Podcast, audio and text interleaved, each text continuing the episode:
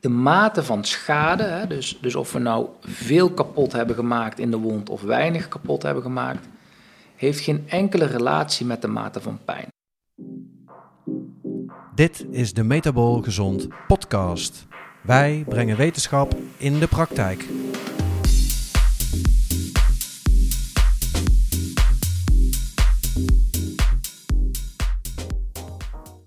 Welkom bij weer een nieuwe aflevering van de Metabol Gezond podcast, waarin wij jouw gezondheid van reactief naar proactief brengen. Volg ons op Facebook onder Metabol Gezond en op Instagram onder Metabole Reset Methode. De podcast kun je terugvinden op Spotify, SoundCloud en de Apple Podcast app, allen onder Metabol Gezond. Daarnaast kun je ons ook terugzien op YouTube, ook onder Metabol Gezond. Naast de podcast hebben wij ook een online programma ontwikkeld waarin mensen in 10 weken tijd de kennis en vaardigheden aangereikt krijgen om hun gezondheid te verbeteren. Met deze kennis en vaardigheden kun jij chronische of steeds terugkerende klachten, zoals nek- en rugklachten, vermoeidheid en blessures oplossen, maar zeker ook voorkomen dat je ze in de toekomst gaat krijgen. Ben je nieuwsgierig of geïnteresseerd geraakt of heb jij chronische klachten? Neem dan eens een kijkje op www.metabolgezond.nl en neem contact met ons op. Misschien zien we je terug in ons programma. Welkom, Martijn. Vandaag onze gast in de podcast bij uh, Metabol Gezond. Menno, welkom. Goedemiddag, goedemorgen, goedenavond, al nog lang uh, wanneer je naar deze podcast luistert. Ja, we zijn uh, vandaag bij uh, Martijn op de, op de praktijk. En nou, wij vragen altijd onze gast om even een korte introductie van zichzelf te doen. Dus als jij dat zou willen doen. Nou, dat gaan we dan eens doen. jongens, ten eerste leuk dat jullie hier zijn. Dankjewel voor de, voor de uitnodiging. ja, we zijn op de praktijk. Um, um, dat is in Den Bosch. mijn naam is Martijn van Raamsdonk. Van oudsher ben ik fysiotherapeut, manueel therapeut. En um, nou ja, een jaar of nou, zeg tien geleden, toen dacht ik, nou, misschien is die, zijn die competenties een beetje beperkt. Hè? Er zijn heel veel ehm, klanten die ik niet goed van dienst kan zijn. Dus toen begon mijn zoektocht. En die zoektocht die eindigde bij de klinische psychoneuroimmunologie. Dus dat is een hele mond vol. Uh, maar eigenlijk betekent dat dat we naar een, naar een patiënt of naar een klant kijken met een heel breed perspectief. Uh, dat we kijken naar werkingsmechanismen. Uh, hè, dat we kijken naar stofwisseling, naar immuunsysteem, naar sociale aspecten, naar psychische aspecten. En proberen we op die manier een, een, een, een, een patiënt of een klant met zijn klacht in kaart te brengen en op die manier te begeleiden. Nou, en dat, heeft, uh, dat is uitgemond in, ja, in mijn werk tegenwoordig. Um, doe je dan alle klanten of alle patiënten? Nou ja, het antwoord is ja. Maar ik heb me vooral gespecialiseerd in, uh, in mensen met sportgerelateerde blessures. Um, en omdat van oudsher fysiotherapeut is eigenlijk aan het bewegingsapparaat. Hè? Dus, dus denk aan uh, operaties of, of blessures zoals een enkelbandlesie of een kruisbandblessure. Uh, alle soort dingen, daar, daar zit mijn meeste interesse. Ja.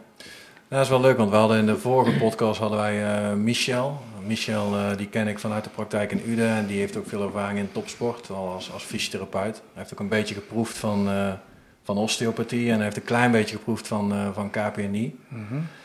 En nou ja, wij weten van de opleiding zelf ook dat jouw stuk in de opleiding vooral bestaat uit een stukje sport, maar ook een stukje wondgenezing.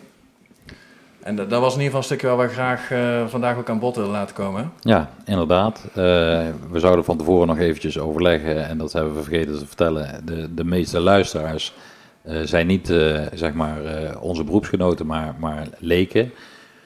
dus misschien dat we af en toe even inbreken om iets te verduidelijken voor, voor de leek, zeg maar. Ja. Maar, maar het, het, inderdaad, het idee was om het met name over, over wondgenezing te hebben. En wat, je, wat heb je nu nodig om, om weefsel te laten herstellen. Mm -hmm. in, in, in alle vormen die er zijn. Uh, dus, dus denk aan voeding. Uh, nou ja, misschien, misschien kan je eens vertellen wat een normaal wondgenezingsproces inhoudt. Ja, nou, dat, dat, is, dat, is, niet zo, dat is niet zo moeilijk. Het makkelijkste is misschien om, om dan te refereren aan een voorbeeld, hè, wat, wat iedereen op, op zijn netvlies heeft. Ehm, dus stel voor je loopt in het bos ehm, en eh, je let niet goed op en je, en je verzwikt je enkel, hè, zo noemen ze dat dan. Nou, dat doet natuurlijk pijn en je kan er moeilijk op staan. En als je thuis komt, dan zit er waarschijnlijk een groot ei op. Nou, ik denk dat heel veel mensen herkennen hoe dat eruit ziet, hè, een verzwikte enkel. Ja, en dan, dan zien we altijd dat mensen nou, allerlei gekke kunsten uit gaan halen om die, bijvoorbeeld die zwelling weg te halen. Nou, ik denk dat het allereerst belangrijk is dat uh, we in, in PNI en, en ik zeker altijd denken uit, ja, hoe werkt het nou eigenlijk echt? Hè? Uh, hoe werkt het in de evolutie? Hoe kan het zijn dat een enkel zoveel zwelling maakt als dat eigenlijk uh, onzinnig zou zijn? Hè, dus in plaats van die zwelling meteen te stoppen, denk ik dat je je af moet vragen waarom is die zwelling eraan? Waarom doet die enkel pijn?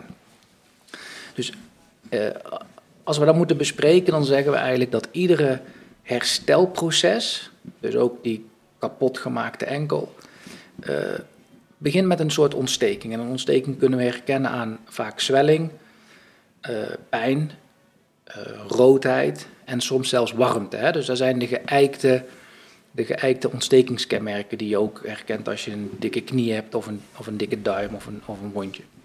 En met dat ontstekingsproces, dus met die zwelling en die warmte en zelfs die pijn, uh, zegt ons lijf eigenlijk tegen je: joh, misschien moet je dit wat minder gaan belasten, hè, daarom krijg je pijn. Geef het weefsel nou een beetje rust. Uh, en met die zwelling en met die, met, die, met die verbeterde doorbloeding, waardoor het warm wordt, komen allerlei hele goede stoffen naar het wondgebied toe. Uh, je moet voorstellen dat het, dat weefsel gaat niet zomaar herstellen, daar is echt iets voor nodig. Uh, bijvoorbeeld, um, als er een bloeding plaats zou vinden, hè, je ziet uiteindelijk een blauwe plek, omdat je echt iets stuk hebt gemaakt, ja, dan moet die bloeding ook een keer stoppen. Je wil heel graag dat, dat het stolt. Nou, dan moeten speciale witte bloedcellen voorkomen. Um, je wil graag ook dat er vetcellen in die wond komen, want vetcellen zorgen ook voor een deel van de wondgenezing. Dus, dus nou, we kunnen heel gedetailleerd ingaan uh, op, op welke stoffen er allemaal komen. Dat is misschien niet zo interessant, maar wat wel interessant is om te begrijpen dat met de zwelling komt eigenlijk de oplossing mee. dus er komen stoffen naar het wondgebied wat, die uiteindelijk noodzakelijk zijn voor, voor het herstellen van, van je enkel. Uh, daarmee meteen gezegd dat je dus af moet vragen of je die zwelling moet remmen met ijs of met, een, of met compressie. dat is eigenlijk het eerste gedeelte. Nou, daarna komen we in een nieuwe fase van, van het herstel. Dus je wil eigenlijk dat die pijn en die zwelling na een paar dagen stopt dan zijn alle stoffen aanwezig en dan wil je eigenlijk dat je langzaam weer kan gaan belasten. Mm.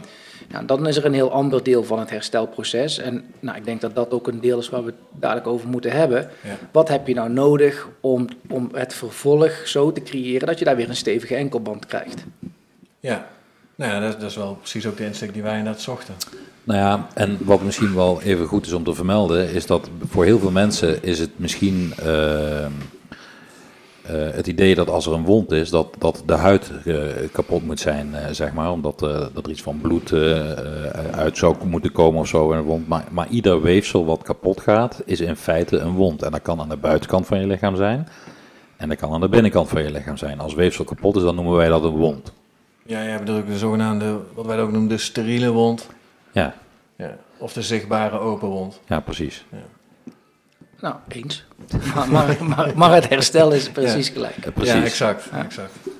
Maar jij bedoelt te zeggen dat mensen, als het over wondgenezing gaat, misschien denken aan een, een, een, meer open verhaal. Precies. Maar dat is ook geldt een enkelband waarbij dat natuurlijk niet het geval is. Nee, daar, daar zie je niet uh, dat er een wond is, maar, je, maar je voelt het wel. Ja. Was jij wel iets ooit uh, toe van, uh, van koude of zo bij de eerste fase van een, van een blessure? Of hoe, hoe zet jij dat in, wel of niet? Um, nou, het geëikte principe RISE, rust, ijs, compressie, elevatie. Dus, dus uh, rusten, ga er niet te veel op staan. IJs, een, een zwachtel en, en hoog leggen. Dat is eigenlijk wat de meeste uh, mensen nog steeds in hun hoofd hebben. Nou, die regel die is echt een beetje anders tegenwoordig. En we zien uh, dat in plaats van rust bijvoorbeeld load management heel belangrijk is. En load management betekent Doe nou alsjeblieft met dat weefsel wat het toestaat. Dus als je een beetje op je enkel kan staan zonder dat je door de grond gaat van de pijn, ga dat dan lekker doen. Ja, dat is vaak goed ervoor. Uh, een zwachtel gebruik ik zelf echt helemaal nooit. Um, ik wil ook graag altijd het weefsel kunnen zien wat er aan de hand is. En ijs, uh, daarvan weten we dat het voor pijn een, een hele goede interventie is. Dus als je zegt, joh, ik wil graag pijndemping doen en ik heb geen zin om heel veel uh, pijnstillers, medicatie te nemen, dan is, uh, dan is ijs een heel goed idee. Uh, en ik gebruik ijs als er de zwelling veel te extreem zou zijn. Dus denk dan bijvoorbeeld als iemand een hockeybal op, op, op zijn oogkas krijgt, ja, dan uh, begrijp ik dat daar heel veel zwelling ontstaat en dat mm. dat best goed kan zijn, maar dan wil ik toch graag, dan vind ik toch belangrijk dat hij kan blijven zien. Ja, ja, ja dus in principe, ja, in principe is het antwoord nee, behalve voor pijn en als het in een gebied is waarvan ik zeg, oké, daar, daar, nou is, de, is, de, is het te heftig. En uh, heb je iets van een uh, tijdsmarkering daarin, dat je zegt, nou de eerste 48 uur sowieso niet, of, of behalve als we het dan over dat oog hebben bijvoorbeeld, maar en zeg je dan na 48 uur is het anders, uh, dan kunnen we wat meer doen? Nou, um, kijk, we hebben het nu natuurlijk over hoe het normaal gaat. ja. um, maar heel vaak gaat het niet zo goed normaal. Want, um, nou, ik ben fysiotherapeut van oudsher. En, en eigenlijk zou er niemand bij mij moeten komen als iedereen het juiste doet. Want dan zou die enkel vanzelf beter worden. Ja. Uh, maar we zijn in Nederland met, uh, ik geloof, 17.000 fysio's. En dan hebben we nog uh, manueel therapeuten, osteopaten, huisartsen, Ehm, PNI'ers. We hebben een hele, een hele groep van hulpverleners die zich allemaal wel eens bemoeien met, met, met, met wondgenezing en vooral wanneer het niet goed gaat. Dus uh, op het moment dat een, een wondherstel helemaal niet goed heeft plaatsgevonden, dat die enkel bijvoorbeeld na, na tien dagen nog dik is, hè, ik vind een week echt de absolute maximum. Okay. Uh, ervan uitgaan dat mensen niet zoveel erop hebben gestaan. Uh, als dat in een week niet echt tot rust is gekomen, ja, dan moet je natuurlijk afvragen welke prikkel je toe kan dienen om, om mensen toch verder te helpen in hun herstel. Ja, want we kunnen wel zeggen, de enkel moet herstellen, maar eigenlijk zijn het de mensen erachter die mhm. iets moeten veranderen om te kunnen herstellen. Ja, dus dan, nou ja, wat doe je in die eerste fase, maar vooral ook wat zijn misschien de factoren die beperken dat de, dat de, dat de volgende fase gewoon start of op de juiste manier verloopt. Is dat ook wat je bedoelt? Ja, dus, dus wat ik net bedoelde te zeggen is, er ontstaat een wond. Dat is nou eenmaal inherent aan het leven, hè, dat je af en toe iets beschadigt. Als je daar precies het juiste voor doet, dan zou die wond gewoon herstellen. Dan zou je na een dag of vijf of maximaal een week eigenlijk gewoon dat weefsel weer moeten kunnen belasten.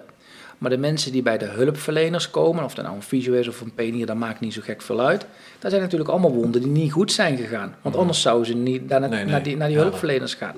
En dan is het denk ik zaak dat je in kaart brengt wat zijn nou de factoren uh, uh, die daar herstellende weg hebben gezeten. Ja. En is er voor jou een soort van uh, top 3, top 5 of zo die je altijd bekijkt als je dan uh, zo'n geval tegenkomt, om het zo maar te zeggen? Ja. Ehm, wat ik net al zei, ik kijk nooit naar de wond alleen. Hè. De, de, de, de wond, hè, ik ben door mijn enkel gegaan of ik ben door mijn knie gegaan, dat is natuurlijk het weefsel wat beschadigd is. Maar als mensen niet herstellen, zijn er lokale factoren aanwezig in, die, in dat wondgebied, die ervoor kunnen zorgen dat het weefsel niet herstelt. Of het zijn systemische factoren. En systemische factoren zijn dan um, factoren die, die veel groter zijn dan alleen maar het wondgebied. Dus bijvoorbeeld, um, ik zal het heel extreem maken. Um, je eet alleen maar snoepgoed dan heeft je lijf misschien niet de nodige bouwstoffen om, um, om iets wat kapot is gegaan weer te repareren. Mm. want, want voor reparatie heb je gewoon voedingsbestandsdelen nodig. nou, iedereen die weet dat groente en fruit en, en vlees en vis en eieren en, en allerlei gezonde vetten, dat die misschien uh, iets bijdragen daaraan. En iedereen kan voorstellen als je alleen maar fastfood eet en snoep, dat dat misschien wat minder goed zal gaan. Nou, dat is bijvoorbeeld een, een systemisch ding. Mm -hmm. Ja. Oké, en als je, heb je ook een voorbeeld van een, uh, van, een, van een lokaal stukje? Hoe mensen daar zelf uh, iets in kunnen doen of op welk vlak dat dan ligt? Wat zie je vaak? Nou, eh, eh, misschien is het slim dat we eerst een beetje overkoepelend beschrijven wat, wat dan lokale en, en systemische factoren zijn. Ja. Misschien is dat helderder als dat we af en toe, eh, af en toe schieten. Maar lokaal is het eigenlijk heel belangrijk dat daar ehm, de stoffen kunnen komen die er moeten zijn. Nou, een van de stoffen die bijvoorbeeld heel belangrijk zijn om van de ene fase, de ontstekingsfase die we net beschreven met warmte, zwelling, pijn, over te gaan in een fase waarin het weefsel goed kan herstellen, ehm, dat, zijn vetzuren. En, en vetzuren, eh, dat zijn stoffen die we binnenkrijgen door het eten van vetten. Nou, en een van die stoffen is bijvoorbeeld omega-3. Nou, ehm, we kennen dat misschien van allerlei supplementenpotjes die je dan ziet staan in de supermarkt of die online aangeboden worden. Maar omega-3 vetzuren zitten bijvoorbeeld heel veel in vis. Dus als je nooit vis eet, ja, dan is het heel lastig om voldoende van omega-3 vetzuren bij je te dragen. En als je onvoldoende van die vetzuren bij je hebt, is het dus ook heel lastig om van de ene fase in de andere fase te komen.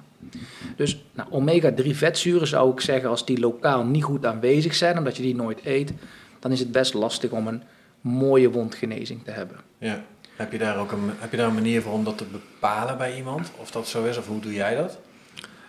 Ik bepaal dat niet, maar ik weet natuurlijk dat je in je bloed een vetzuurprofiel Ja. kan, kan laten meten. Eh, dat kan je relatief eenvoudig doen door alleen maar eh, bijvoorbeeld omega-3 vetzuren en omega-6 vetzuren naast elkaar te zetten. Eh, je kunt ook een heel, heel uitvoerig labonderzoek laten doen voor vetzuren. Dat is een beetje afhankelijk ook ehm, van de therapeut die je voor je hebt en hoe goed hij met Ja. die vetzuren om kan gaan. Maar meestal heb je waarschijnlijk gewoon wel een idee als iemand jou vertelt wat hij eet. En, Ja, dus op het moment, eh, dus ik vraag ernaar, hè, op, ehm, als mensen bij me komen en ze hebben een slecht wondherstel, ze gaan niet van de ene naar de andere fase, dan is natuurlijk de eerste vraag, joh, ehm, hou eens even bij wat je allemaal eet Ja. en, en komt er ooit vis in je lichaam? En als ze dan zeggen, nou nee, eigenlijk niet, dan is dat voor mij een trigger om daar iets aan te doen. ja, precies. Eh, nou moeten we ook eerlijk zijn. Er zijn natuurlijk ook mensen die eten geen vis en die hebben fantastisch wondherstel. Dus als Mhm. omega-3 vetzuren het enige zou zijn wat, wat eh, ons zou helpen, eh, ja, dan zou er iets niet kloppen. Hè? Dus nou, als we naar systemische dingen kijken, dan kun je bijvoorbeeld denken aan, aan bioritme. Ehm, en bioritme betekent, je lichaam doet ehm, afhankelijk van het moment van de dag, heeft hij een, een andere energieverdeling. Ehm, ik zal er daar nog iets over vertellen. Laat ik eerst nog een paar van die andere systemische dingen benoemen. Ja. Misschien heb je ooit gehoord van cortisol als, als stresshormoon. Hè? Een hormoon wat vrijkomt op het moment dat we eh, onder, onder stress staan. Dat maakt niet zo gek vooruit wat voor soort stress dat is. Of dat langdurige stress is omdat je je hypotheek niet kan betalen. Of het is stress omdat je weg moet rennen voor een hond die je achterna zit. Mhm. Of het is een intensieve sport, want dan komt ook cortisol vrij. Nou, op het moment dat mensen eh, zo vaak cortisol in hun lichaam hebben gekregen, dan kan het zo zijn dat ons lichaam daar een beetje eh, ongevoelig voor wordt. Nou, en cortisol, denk maar aan prednison of corticosteroïden die we inspuiten, dat is allemaal cortisol. Dat is een hele mooie remmer van ons ontstekingsreactie. Hè? Daarom, daarom krijg je die medicatie ook. Dus die helpt ons ook van het ene fase naar de andere fase te gaan. Op het moment dat we cortisol ongevoelig zijn, ja, dan is dat een stuk lastiger. Dus mensen die echt veel stress hebben, ehm, nogmaals, dat kan allerlei verschillende stressoren zijn, zullen ook veel minder goed herstellen. Ja. Nou ja, wij, eh, wij horen ook terug hè, van mensen dat eh, als, als je in de praktijk zegt, dan zul je waarschijnlijk ook wel herkennen van eh, heb je stress of je stelt die vraag, dan is het antwoord natuurlijk vaak nee. Maar zaken zoals bioritme, we hebben het er Slaap. laatst ook nog over, ja, slaap, het belang daarvan. hè, We zijn allebei best wel wat eh, ingedoken in eh, wat podcasts en wat achtergrond over slaap de laatste tijd. Jij zeker nog wel wat meer dan ik volgens mij. Mhm. Maar inderdaad, eh, die factoren die, eh, die wegen mensen vaak zelf in ieder geval niet mee in hun stressload. Merken wij ook. Nou ja, dus, dus ehm, voor mij begint het denk ik met ehm, load management. Hè? Dus load management bedoel ik, wordt de juiste beweegprikkel gegeven aan het weefsel? Hè? Dus eh, doe ik te weinig, omdat ik bang ben dat het weer stuk gaat en ik zit vier weken met mijn enkel op de bank. Daar wordt hij niet beter van.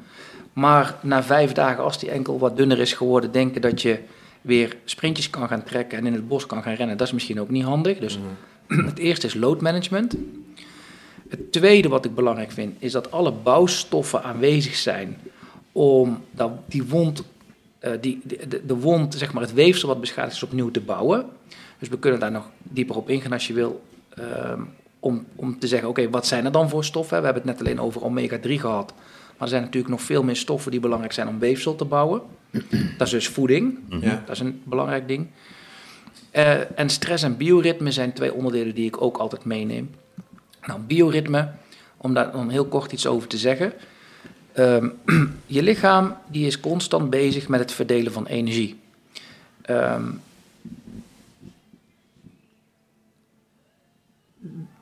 ik begin ervan te stotteren, maar dat komt eigenlijk omdat ik de juiste volgorde aan... Dat je sneller denkt dat je het praat. Ja, dat, is eigenlijk het, dat was eigenlijk het geval, dankjewel. Um, de, de, dus als we één pot energie hebben, dan kan ons lichaam onmogelijk alle functies van ons lijf tegelijkertijd voorzien. Dus mm. dat weten we ook. Ik geef altijd griep als voorbeeld. Stel voor je hebt echt een vette griep, dan krijg je spierpijn omdat je spieren misschien even niet voldoende energie hebben. Je hebt geen zin in allemaal gezeur aan je hoofd, je wil geen felle geen felle tv-beelden of felle geluiden, want je hersenen krijgen wat minder energie om dat allemaal te verwerken. Je hebt eigenlijk geen zin om te eten, dus je spijsverteringssysteem krijgt wat minder energie. En zo doet je lijf dat eigenlijk heel de dag. Nou, en wat nou heel belangrijk is, overdag wordt het gemaakt voor activiteit, dus krijgen je hersenen en je spieren vooral veel energie. En in de nacht krijgt je immuunsysteem vooral wat meer energie en allerlei herstelwerkzaamheden. Nou, als je dan de nacht niet echt nacht maakt, ja, dan, dan krijgt je immuunsysteem eigenlijk te weinig tijd om goed, om goed zijn functies uit te voeren. Nou, en wat bedoel ik daar nou mee met de nacht krijgt te weinig tijd? Rond de avond, rond, dat is voor iedereen een beetje verschillend, maar laten we even zeggen zes uur, komt er een stofje uh, in ons lichaam, wordt vrijgemaakt. En, en dat zorgt ervoor dat we slaperig worden, dat we dus ook gaan slapen. En um, dat stofje wordt door allerlei zeitgebers, hè, dus, dus um, signalen. signalen waarin we, waarin we denken uh, dat het dag of nacht is, wordt dat stofje beïnvloed. Nou, mm. een van de belangrijkste stofjes, of de, een van de belangrijkste signalen is licht. Dus als we te laat op de dag nog heel licht uh, binnenkrijgen op onze ogen, dan wordt dat stofje minder gemaakt en dan ja, word je ook minder moe en dan slaap je minder. Nou, um, licht nou ja, in de zomer is er wat meer als in de winter, maar licht creëren wij vooral doordat we in een omgeving uh, wonen waar altijd licht is. Maar we hebben ook iPads, we hebben telefoons, we hebben televisies, we hebben grote computerschermen. Allemaal blauw licht, wat dat stofje niet goed vrijgemaakt wordt. En als dat dus niet goed vrijgemaakt wordt, omdat we veel te laat in de avond nog gebruik maken van die devices, uh, ja, dan hebben we dus een veel kortere nacht. En met een veel kortere nacht hebben dus ook veel minder herstelmogelijkheden. Nou, er zijn nog veel meer van die sidegapers, maar misschien moet je een, een, aparte podcast daar een keer voor inrichten. Of misschien hebben jullie er al, dat, weet ik eigenlijk helemaal niet. Ja, het is, het is er hier en daar wel langsgekomen als het ja. licht zeker. Ja. ja, te laat sporten, uh, te laat eten, eten ja. um, te veel koffie. Ja, dus uh, helemaal, helemaal, eens, helemaal eens. Alle alle factoren die eigenlijk zeggen het is dag in plaats van nacht. Hè? Dus eten en sociale contact en sporten zou je liter op de dag doen. En, en in de nacht uh, word je langzaam rustig en ga je slapen. Als het een beetje tegen zit, uh, dan moet dat sowieso volgende week uh, alleen nog maar overdag. Als we een avondklok gaan krijgen. Ja, ja, ja. ja, ja. zou voor de slaap van heel veel mensen misschien goed zijn. Ja, ja. ja. Nou, dus daar vraag, daar vraag ik nog naar. En nou, stress heb ik het al over gehad. Hè. Op het moment dat we cortisol minder gevoelig zijn of cortisolresistent zijn, dan, dan krijgt cortisol het niet goed voor elkaar uh, om, om ons immuunsysteem te remmen. Blijven we te lang in die ontstekingsreactie zitten, die eerste fase, en kunnen we ook niet goed herstellen. Dus dat is, een, dat is ook iets wat we, ja, wat we graag uh, laag houden. Dus als mensen heel erg veel stress hebben gehad, en, en dan moet je natuurlijk wel goed uitvragen, want als je vraagt heb je stress, zegt iedereen, nou, valt wel mee. Ja, precies. dus je moet heel gedetailleerd vragen, maar wat betekent dat dan voor sport en hoe hard sport u dan en hoe is het dan thuis en, en nou, die, die, sociaal en, en, werk en, en nou, al die factoren die bespreek je. En als je dan de indruk krijgt dat dat toch wel een, een uitdaging ligt, ja, dan is daar wel iets om ook mee te nemen. En om mensen juist eerst systemisch minder stressvol te maken om uiteindelijk ervoor te zorgen dat hun enkel kan herstellen. Ja. Wat denk jij, is het interessant om nog ook wel wat verder in die lokale dingetjes uh, te gaan? Ik denk, denk, uh, ik denk juist uh, dat dat heel erg interessant kan zijn. Want dat is een onbekend deel voor ik denk, velen, dat, ik denk dat heel veel mensen niet goed weten wat, ze, wat hun lichaam nodig heeft als, als er letsel is en als er iets moet herstellen. En, en ik denk dat... nou ja, het, het, voorbeeld wat je net al gaf met je eet alleen maar suikers. nou ja, uit glucose kan je niet, niet zo heel goed een nieuwe enkelband maken. Ehm, dus, dus uh, wat is de belangrijkste voedingsbestanddelen die je, die je zou moeten binnenkrijgen om ervoor te zorgen dat je in ieder geval de bouwstoffen voorradig hebt om, om te kunnen herstellen? Ja, nou, dus, dus allereerst, als we teruggaan naar die eerste fase, die, die fase met pijn en, en zwelling en dik en rood, daar had ik al gezegd, Um, als ik een stofje zou moeten kiezen, dan zou ik daar omega-3 vetzuren kiezen. Mm -hmm. ook de andere vetzuren hebben een, hebben een functie in het uh, wondherstel. Uh, maar dat maakt het eigenlijk alleen maar, maar complex, want dan, dan moet je ook naar de verhouding gaan kijken. Dus, dus onthoud daar nou van omega-3 en daar zit in vis. En als je dat echt niet lust of je eet daar veel te weinig. Uh, daar zit het in capsules. Ja, zorg dan ervoor dat je een, een, een goed supplement neemt uh, van visolie of van krilolie, want, want daar, is het, daar zit het goed in. Um, als we die fase dan voorbij zijn, want daar neem je die omega-3 eigenlijk voor, hè, om een, om een flip-flop te krijgen van de ene fase, de ontstekingsfase, naar de echte herstelfase, dan moet je natuurlijk veel meer nadenken over waar is zo'n enkelband nou eigenlijk uit gebouwd. En op het moment dat je een spierschade hebt, dan is dat voor een deel hetzelfde, maar voor een deel anders. En op het moment dat je botschade hebt, want ook een beenbreuk is een wond, uh, die ook niet altijd goed herstelt met een beetje gips, dan is het ook een deel hetzelfde, maar ook een deel net iets anders. Dus laten we, blijven, laten we uitgaan van die enkelband. Van die enkelband. Ja. Da, da, dat is denk ik het handigste. Maar ben bewust dat er dus ook spieren en botten zijn die, die um, in basis hetzelfde nodig hebben, maar, maar, maar een beetje anders. nou, al die structuren in ons lichaam, al die cellen in ons lichaam, die hebben eigenlijk twee basisbestandsdelen. En dat is uh, eiwit en vet. Uh, um, vet voor de, voor de membraan om de cellen heen, voornamelijk. En, um, en eiwit voor de, voor de basisstructuur. En eiwit is opgebouwd uit allerlei aminozuren. Dus je, je moet voorstellen dat je een hele lange kralenketting hebt. En zo'n kralenketting van bijvoorbeeld duizend van die, van die, van die kraaltjes. Um, dat is een, bestands, een bestandsdeel van, van, van bindweefsel, van, van een enkelband. En die kraaltjes, ja, daar kunnen heel veel verschillende zijn, of heel veel, uh, kunnen twintig verschillende zijn. En die, die kraaltjes moeten in een bepaalde volgorde zitten. En als je die kraaltjes dus niet eet, uh, dan is het verdomd lastig om uh, het juiste eiwit te bouwen en dus ook de juiste enkelband te bouwen. Nou, dat is echt complex, want sommige kraaltjes kunnen andere kraaltjes worden. Hè. Ons lichaam is in staat om dat een beetje te verbouwen. Maar er zijn ook, er zijn ook kraaltjes en, en um, het precieze aantal, daar wordt een beetje over gediscussieerd, maar laten we zeggen iets meer dan de helft. Die moeten we echt binnenkrijgen van voeding, omdat we ze niet zelf kunnen bouwen. Of we kunnen ze wel zelf bouwen, maar in onvoldoende hoeveelheid. Of ze worden door andere processen gestolen. Ja, hè, de, ja, ja, de, ja, we bedoelen denk ik hetzelfde. Hè, dus we krijgen ze dan wel binnen, maar er zijn zo, we kunnen het gewoon niet gecreëerd krijgen. Nou, um, wat bijvoorbeeld een heel belangrijk um, stofje is om binnen te krijgen, is, is proline. En uh, proline, um, nou, daar zou je eigenlijk op moeten zoeken. Uh, dat is een hele lijst van, van uh, eiwitbronnen waar daarin zit. Uh, maar denk vooral aan, aan gewoon vlees en vis en, en, en, en dat soort structuren. Um, dan krijg je veel minder uit eiwitbronnen die natuurlijk zijn. Hè? Dus vooral dierlijke uh, eiwitbronnen. Die, die, um, als je dan een hele. Als je dan voldoende van die, van die eiwitketens hebt gebouwd, hè, dus je hebt voldoende proline bijvoorbeeld binnengekregen, dan moeten die ketens ook onderling goed aan elkaar verbonden worden. Hè. Het moet uiteindelijk weer een mooie enkelband zijn. En die verbindingen uh, tussen die verschillende ketens, daar heb je ook weer stofjes voor nodig. Nou, een van de stoffen die heel belangrijk daarvoor is, is vitamine C. En een andere stof die heel belangrijk uh, daarvoor is, is zwavel. Um, en zwavel ehm, dat, dat krijg je eigenlijk binnen, eh, bijvoorbeeld uit groenten, ehm, waarvan je gaat stinken. Dus denk aan ui, Knoflook. denk aan knoflook, Prei. eh, denk aan prei, denk aan, aan bosui, van dat soort structuren. Dus je moet denken aan eh, de structuur zelf, vooral aminozuren eh, waar je een eiwit van bouwt. En vervolgens moeten die verschillende eiwitten ook weer aan elkaar ge- ge- gemaakt worden.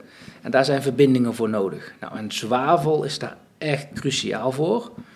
Eh, en vitamine C is daar ook cruciaal voor. Ehm, daarnaast, is er nog een, ehm, ehm, zijn er nog een aantal andere, een aantal andere aminozuren die we, die we vaak gebruiken. Ehm, zeker als het spierweefsel be- betreft. En dat zijn de BCA's. En dat is valine, leucine en isoleucine. Er zijn ook stoffen die we heel vaak gebruiken, maar vooral eh, als het spierweefsel betreft. Ehm, ik, denk, ik denk dat dat mijn basisinterventie zou zijn. Hè. We, we kunnen wel alle, alle stofjes langslopen en dan zijn er heel veel stofjes die nog wel iets zouden doen. Maar ik, in basis zou ik zeggen, zorg voor voldoende eiwit. Ehm, misschien moet ik nog zeggen, hoeveel is dat dan precies? Dat was mijn volgende vraag. Ja, misschien, eh, hoeveel is er dan precies? Ehm, een beetje de gangbare, de gangbare ehm, hoeveelheid in Nederland wordt gezegd zo 0,8 tot 1 gram eiwit per kilo lichaamsgewicht per dag. Dus als je 60 kilo weegt, dan zou je ergens zo tussen de 50 en 60 gram binnen moeten krijgen. Maar mensen die sporten, mensen die ziek zijn, mensen die zwanger zijn, mensen die oud zijn, mensen die in de groei zijn. Daarvan weten we dat dat een beetje aan de lage kant is en dat die hoeveelheid omhoog moet. Dus nou, als ik dan dat rijtje opnoem van mensen die meer nodig hebben, dan denk ik eigenlijk, Half Wie- Nederland. Ja. wie, wie dan eigenlijk niet? Ja. En daar ligt het echt een stuk hoger, want daar wordt, is het advies anderhalf tot 2 gram per kilo lichaamsgewicht per dag. Dus nou heeft diezelfde man of vrouw van 60 kilo, die heeft 120 gram nodig. Nou, je kunt dat perfect, perfect bijhouden in allerlei apps, je kunt dat op Google zoeken, maar, maar even voor de beleving, in 100 gram vlees of vis zit vaak maar 20 gram eiwit. Dus je moet nogal wat binnenkrijgen om voldoende, eiwit, eh, om voldoende eiwitinname te hebben. Dus het eerste wat ik lokaal zou doen is omega-3. En zodra als het de flip-flop is geweest en het herstel is ingezet, zou ik zorgen voor voldoende eiwit. En dan zou ik me nog niet zoveel zorgen maken of dat nou welk aminozuurtje dat Precies. is, hè, welk kraaltje dat precies is. Ik zou eerst eens zorgen dat je gewoon voldoende eiwit binnenkrijgt. De basisbehoeften gewoon afdekken sowieso. Ja, hè, dat, dat is het begin. En als je inderdaad eh, zegt van, eh, nou ja, in een, eh, in een ons vlees of in een ons vis zit ongeveer 20 gram eiwit. En we hebben een persoon van 60 kilo en die zou dus eigenlijk zeker 100 gram, maar liever 120 gram binnen moeten krijgen. Dat betekent dus dat hij dan dus gewoon 5 ons vlees of vis per dag zou moeten binnenkrijgen om in ieder geval aan die 100 gram te komen. Adviseer je dan ook wel eens bijvoorbeeld om iets van een eiwitpoeder of zo, om, om aanvullend eh, ervoor Ja. te zorgen dat mensen dat binnenkrijgen? Nou, ehm, wat we zien in, in, eh, in, ehm, in de praktijk is dat eh, eh, jonge, slanke vrouwen, zeg maar even 50, 60 kilo, die krijgen het nog wel voor elkaar. Maar een stevige vent van 80 of 85 kilo, ja, die krijgt er natuurlijk nooit binnengegeten. En als je dat wel zou kunnen, moet je ook afvragen of dat gezond is om zoveel vlees en vis te eten. Hè? Ehm, dus ja, eh, als we het niet gegeten kunnen krijgen met vlees, vlees, groenten, noten, eh, soms kwark. Een beetje afhankelijk of mensen daar, daar goed tegen kunnen. Eh, ja, dan geef ik altijd een advies voor een, voor een, eh, voor een proteïne shake. Ja.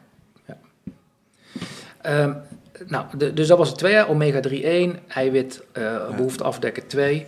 En, en dan voor de verbindingen eh, zou ik absoluut zwavelverbindingen nemen.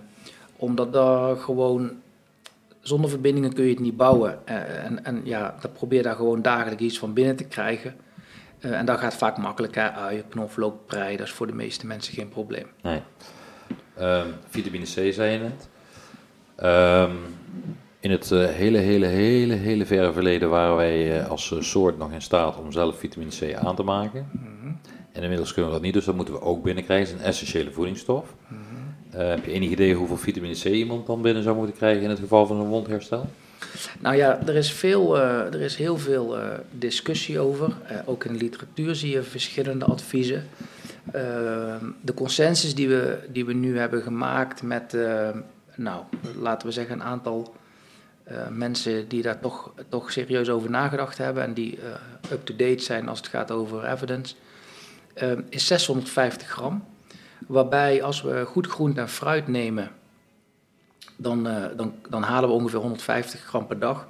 Dus daarvan zien we dat we ook soms een supplement nodig hebben. Eh, en dat supplement ehm, ja, zou dan dus 500 gram moeten zijn. Als je veel hoger gaat, dan eh, komen we in een range die, die wel eens geadviseerd wordt voor, voor mensen die, ehm, die chronisch ziek zijn. Eh, we horen het wel eens bij kankerpatiënten, dat ze zelfs 100 gram intraveneus krijgen via het infuus. Eh, maar het is een heel ander werkingsmechanisme. Dus mijn advies zou zijn om gewoon je behoefte af te dekken en 650 gram per dag binnen te krijgen en niet veel hoger te gaan.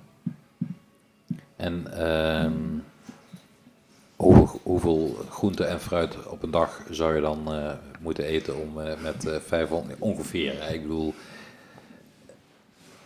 twee stuks eh, fruit Nou ja, en, dat is eh, grappig. Dat, dat is grappig. Ik, als mensen tegenover me zeggen, zeg ik altijd, joh, weet je eigenlijk wel wat de, wat de, wat de richtlijn zegt. Hè? Dus, dus volgens mij is de, zijn de Nederlandse richtlijnen zeggen 200 gram groente of 250 stuks gram fruit. groente.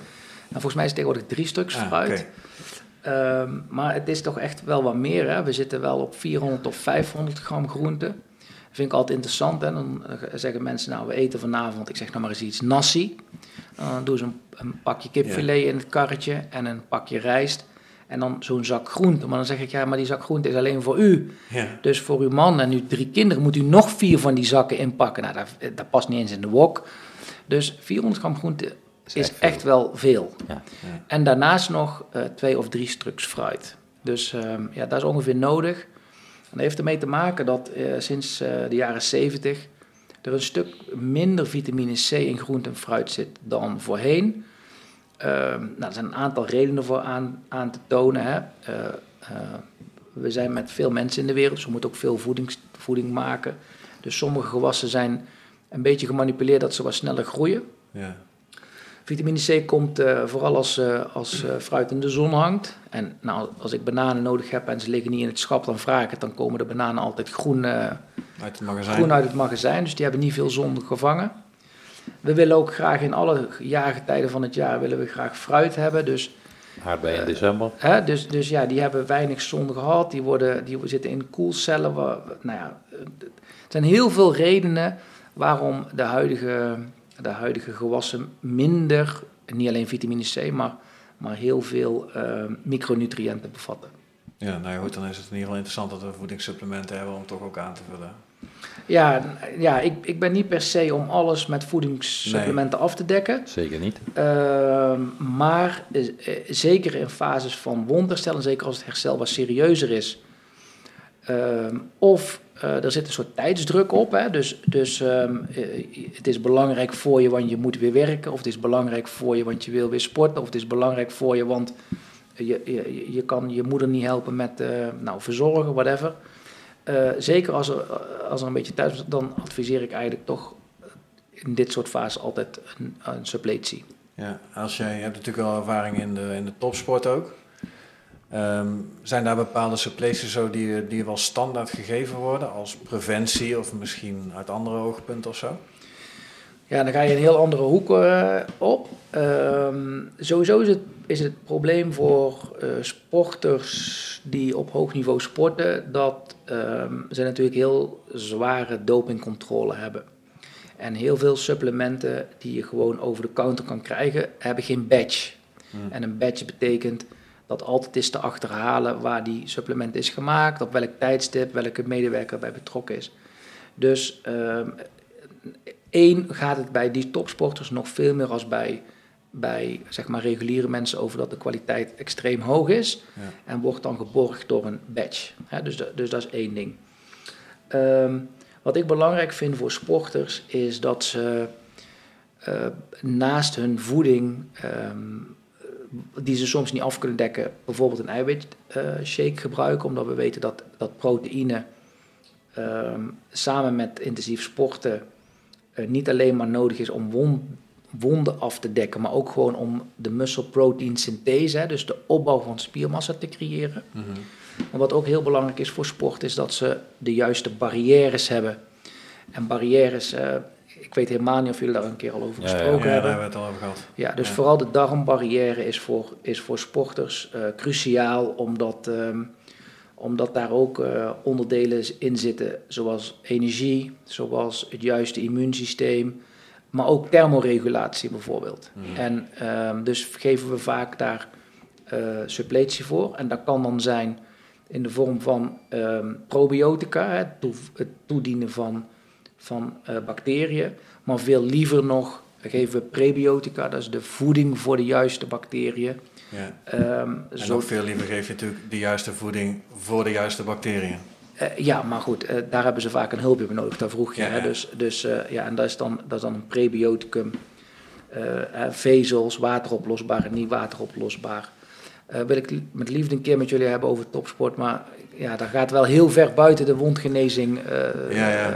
Nou, mijn vraag was meer omdat die mensen natuurlijk iets anders van hun lijf eisen. Of het dan wel echt noodzakelijk is dat je sommige aanvullingen geeft. Maar volgens mij is daarop het antwoord wel ja.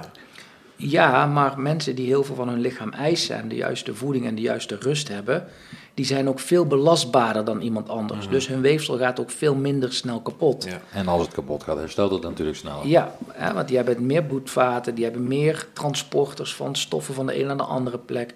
Dus ook voor hun is het niks anders. Voor ook, eh, ook hun evolutionaire systeem zegt, je hebt omega-3 nodig, je hebt een flip-flop nodig, je, hebt, je moet je stress managen, je moet eiwit afdekken. Eh, dat verandert in basis niet. Nee, het zou natuurlijk ook raar zijn om te denken dat de mensen die al eh, miljoenen jaren leven niet eerder dit soort belastingen hebben doorstaan zonder daar eh, een verwonding van op te lopen. Dus Nou, die sterker capaciteit nog, die heb je gewoon. Ja, eh, ik denk dat het grootste probleem voor sporters en voor topsports geldt dat wat minder is. Maar wij zitten, wij zitten heel de dag op onze kont. Hè. We staan s ochtends op, dan zitten we te ontbijten, dan zitten we in de auto of op de fiets naar ons werk. Laten we zeggen auto, dan komen we op ons werk aan, gaan we zitten. In deze periode hoeven we niet eens naar ons werk, zitten we thuis te zitten. En dan s'avonds komen we thuis, gaan we zitten eten. Dan zijn we zo moe van de dag. Dan gaan we zitten televisie kijken of zitten iPad of zitten gamen. Of zitten kaarten met je vrienden één keer in de twee weken. En dan twee keer in de week, dan gaan we even een uurtje padellen of een uurtje Ja. hockeyen. En dan vinden we het heel gek dat ons lichaam die belasting niet aan kan. Dus eh, daar zit volgens mij eh, zeg maar de preventieve winst dat we afgaan van het sitting lifestyle. En dat we, dat we veel belastbaarder gaan worden. hè. dus die load management, de manier hoe je je lichaam gaat belasten of kunt belasten, daar is ex- extreem veel winst in te behalen. Ja, dat maakt ook wat je er uiteindelijk op kan belasten. Ja, Ja, precies. Ja. Het is altijd een eh, vraag van belasting en belastbaarheid. En een, ja, heel vaak wordt natuurlijk gedacht van, ik heb het overbelast.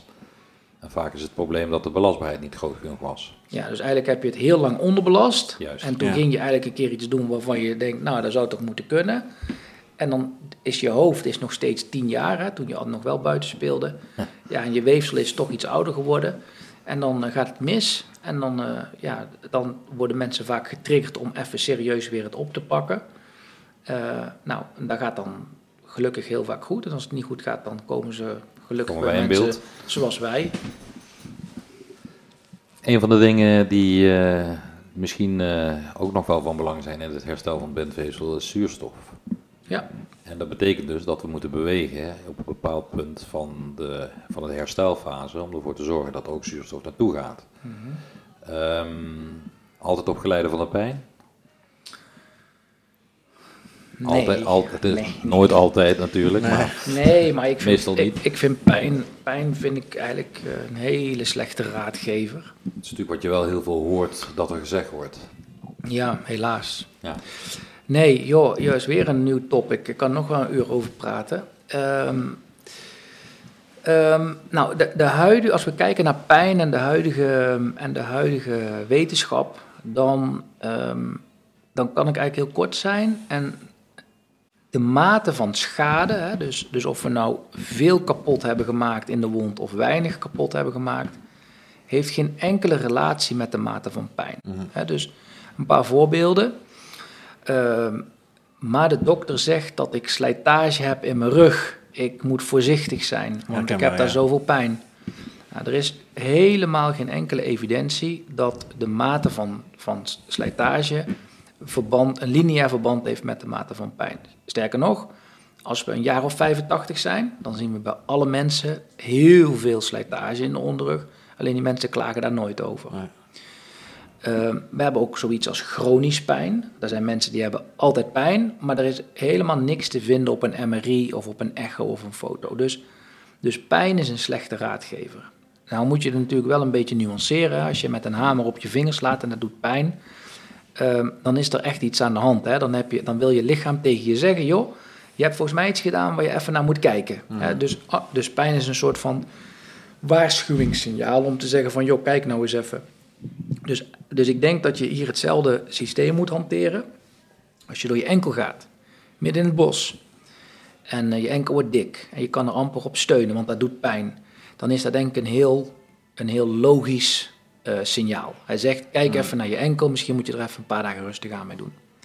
Maar als die enkel uh, beter gaat ogen, dus hij wordt dunner en je kan er langzaam op staan, maar de pijn blijft eigenlijk veel langer bestaan dan wat je zou verwachten, ja, dan moet je je toch afvragen of dat een eerlijk signaal is. Hè? Dus uh, ik ken heel veel patiënten die, waarbij we de load management inrichten, dus waarbij we de belasting inrichten, maar waarbij we pijn geen, geen waarbij pijn niet, niet belangrijk is voor ons.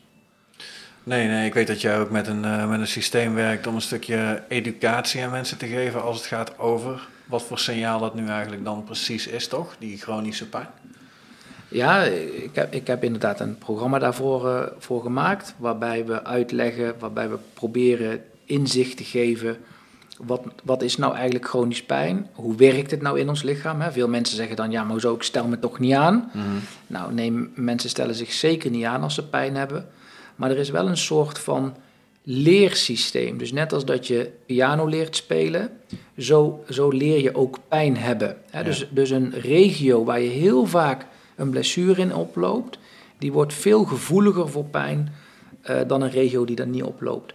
Dus uh, nou, wil ik best een keer met jullie over, over hebben. Maar voor mij is pijn in de belasting uh, in het begin zeker, maar, op het maar, maar na een week zeker niet meer de, de, het, het, de, prikkel of de. de, de, de, de, de en dan hoort hier eigenlijk ook niet ja, meer te zijn. Nee, dan kijk ik daar veel minder naar. Dan, Ja. dan doen we echt een protocol wat gebaseerd is op belasting van het weefsel. Ja, duidelijk. Was dat je vraag die je stelde? Want in mijn Ja, hoofd ja, zijn we... ja, oh, dit was de vraag die je stelde. Dit was de vraag, Oké, ja. Dat was Dit de was zeker de vraag. oké.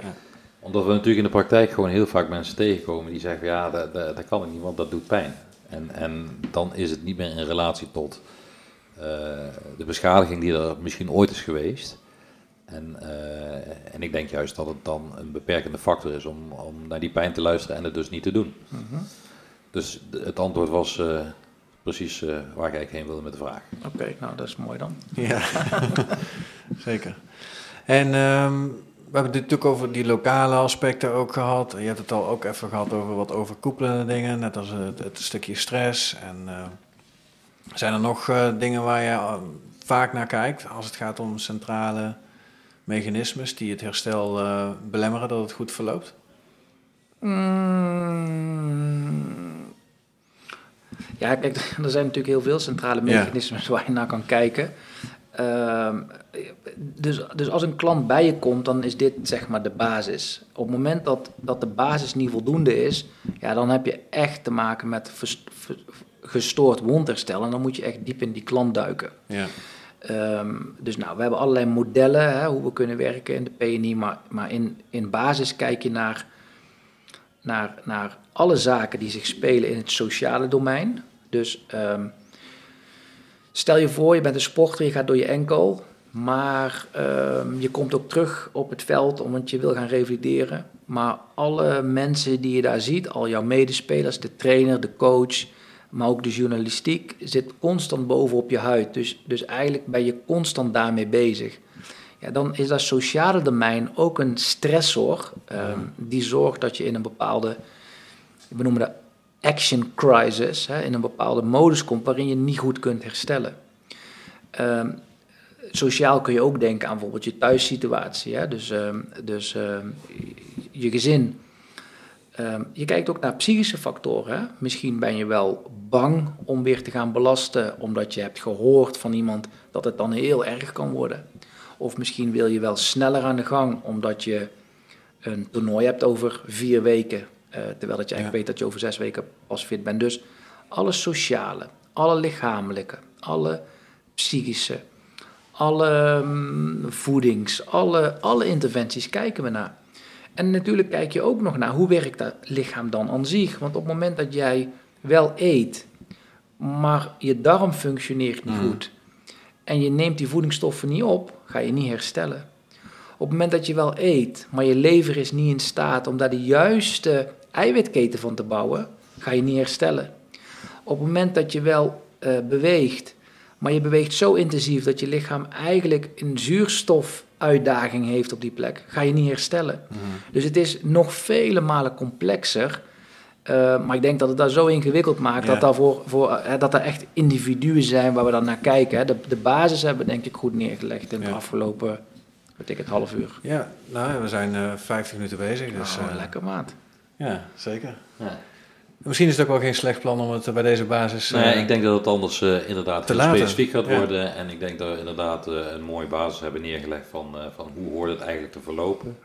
En eh, nou ja, we moeten ons vooral druk maken als het niet goed loopt. En dan moeten we vooral kijken van hoe komt het dan dat het niet goed loopt.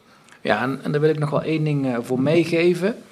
Ehm, eh, als, als er mensen zijn en die hebben een blessure, je hoeft echt niet na een dag met een blessure eh, bij iemand op de stoep te staan.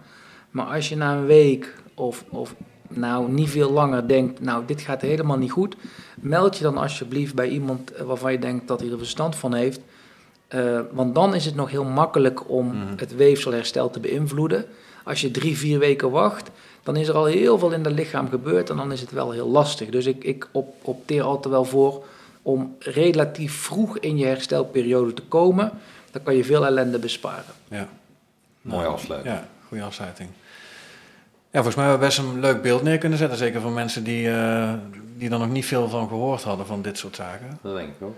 Dus eh dankjewel eh daarvoor dat je in ieder geval gast wilde zijn. Graag gedaan. En eh, ja, Niet aan gedacht. nee. Dus ehm, Geen uitsmijter van de week deze week. normaal hebben wij, eh, dan, dan heeft Menno wel een mooie quote waar we mee afsluiten. Maar eh, Ik heb het deze dus als, als, jij nog een, eh, een, een knaller van een quote... eh, Nou, ik, dan ga ik toch iets zeggen. Want, Ja. want eh, het zou natuurlijk gek zijn als ik nou niks weet. Hè. Lijkt, lijkt wel of dit afgesproken is, maar dat is dus niet zo. Ik eh, was vandaag op mijn Instagram en dan probeer ik altijd iedere dag een quote te zoeken waarvan ik denk, nou, kan ik die voor een klant gebruiken als een mooie reframe, hè, om op een andere manier naar de wereld te kijken. En ik, en ik zag er vandaag twee. Ehm, en, en één was, als je in een diep dal zit, heb je mazzel. Gezien. Want aan allebei de kanten is er een heuvel. Dus is het weer bergop. Dus toen dacht ik, ja, zo kan je er natuurlijk naar kijken. Hè? Mensen die echt diep in de shit zitten, wat, wat, wat, wat zeker in die coronatijd op allerlei vlakken kan. ja, Ja, het, het kan daarna alleen maar eh, bergop gaan. ja. Een tweede quote die ik zag, nou kan ik niet zo goed meer herinneren, maar het was zoiets van... ehm, en net toen de rups dacht dat hij doodging, Werd die een vlinder. werd hij een vlinder. Nou, dus dat is, dat is een beetje in dezelfde trend dat ik dacht, oké, als je nou zo diep in de ellende zit, ja, er is altijd maar, een, maar, maar iets nodig om, om ja, in transformatie te komen. Hè? Dus we zeggen in de PNI wel eens van, eh, eh, alles begint met een kleine stap, hè? of het, Ja. de- een kleine stap eh, maakt het Groot grootste verschil. verschil. Ja, en daar zit voor mij wel in, in, deze, in deze quote. Ja, ja. Nou, mooi. Dan sluiten we daarmee af. Dat denk ik dat dat een goed plan En is. eh, zoals wij altijd zeggen, wij eh, horen de luisteraars weer terug of ze horen ons weer terug over twee weekjes. Tot over twee weken. Tot over twee Nou weken. jongens, eh, dankjewel. Ja, jij ook bedankt. Doei, doei. Deze podcast werd u aangeboden door Metabol Gezond.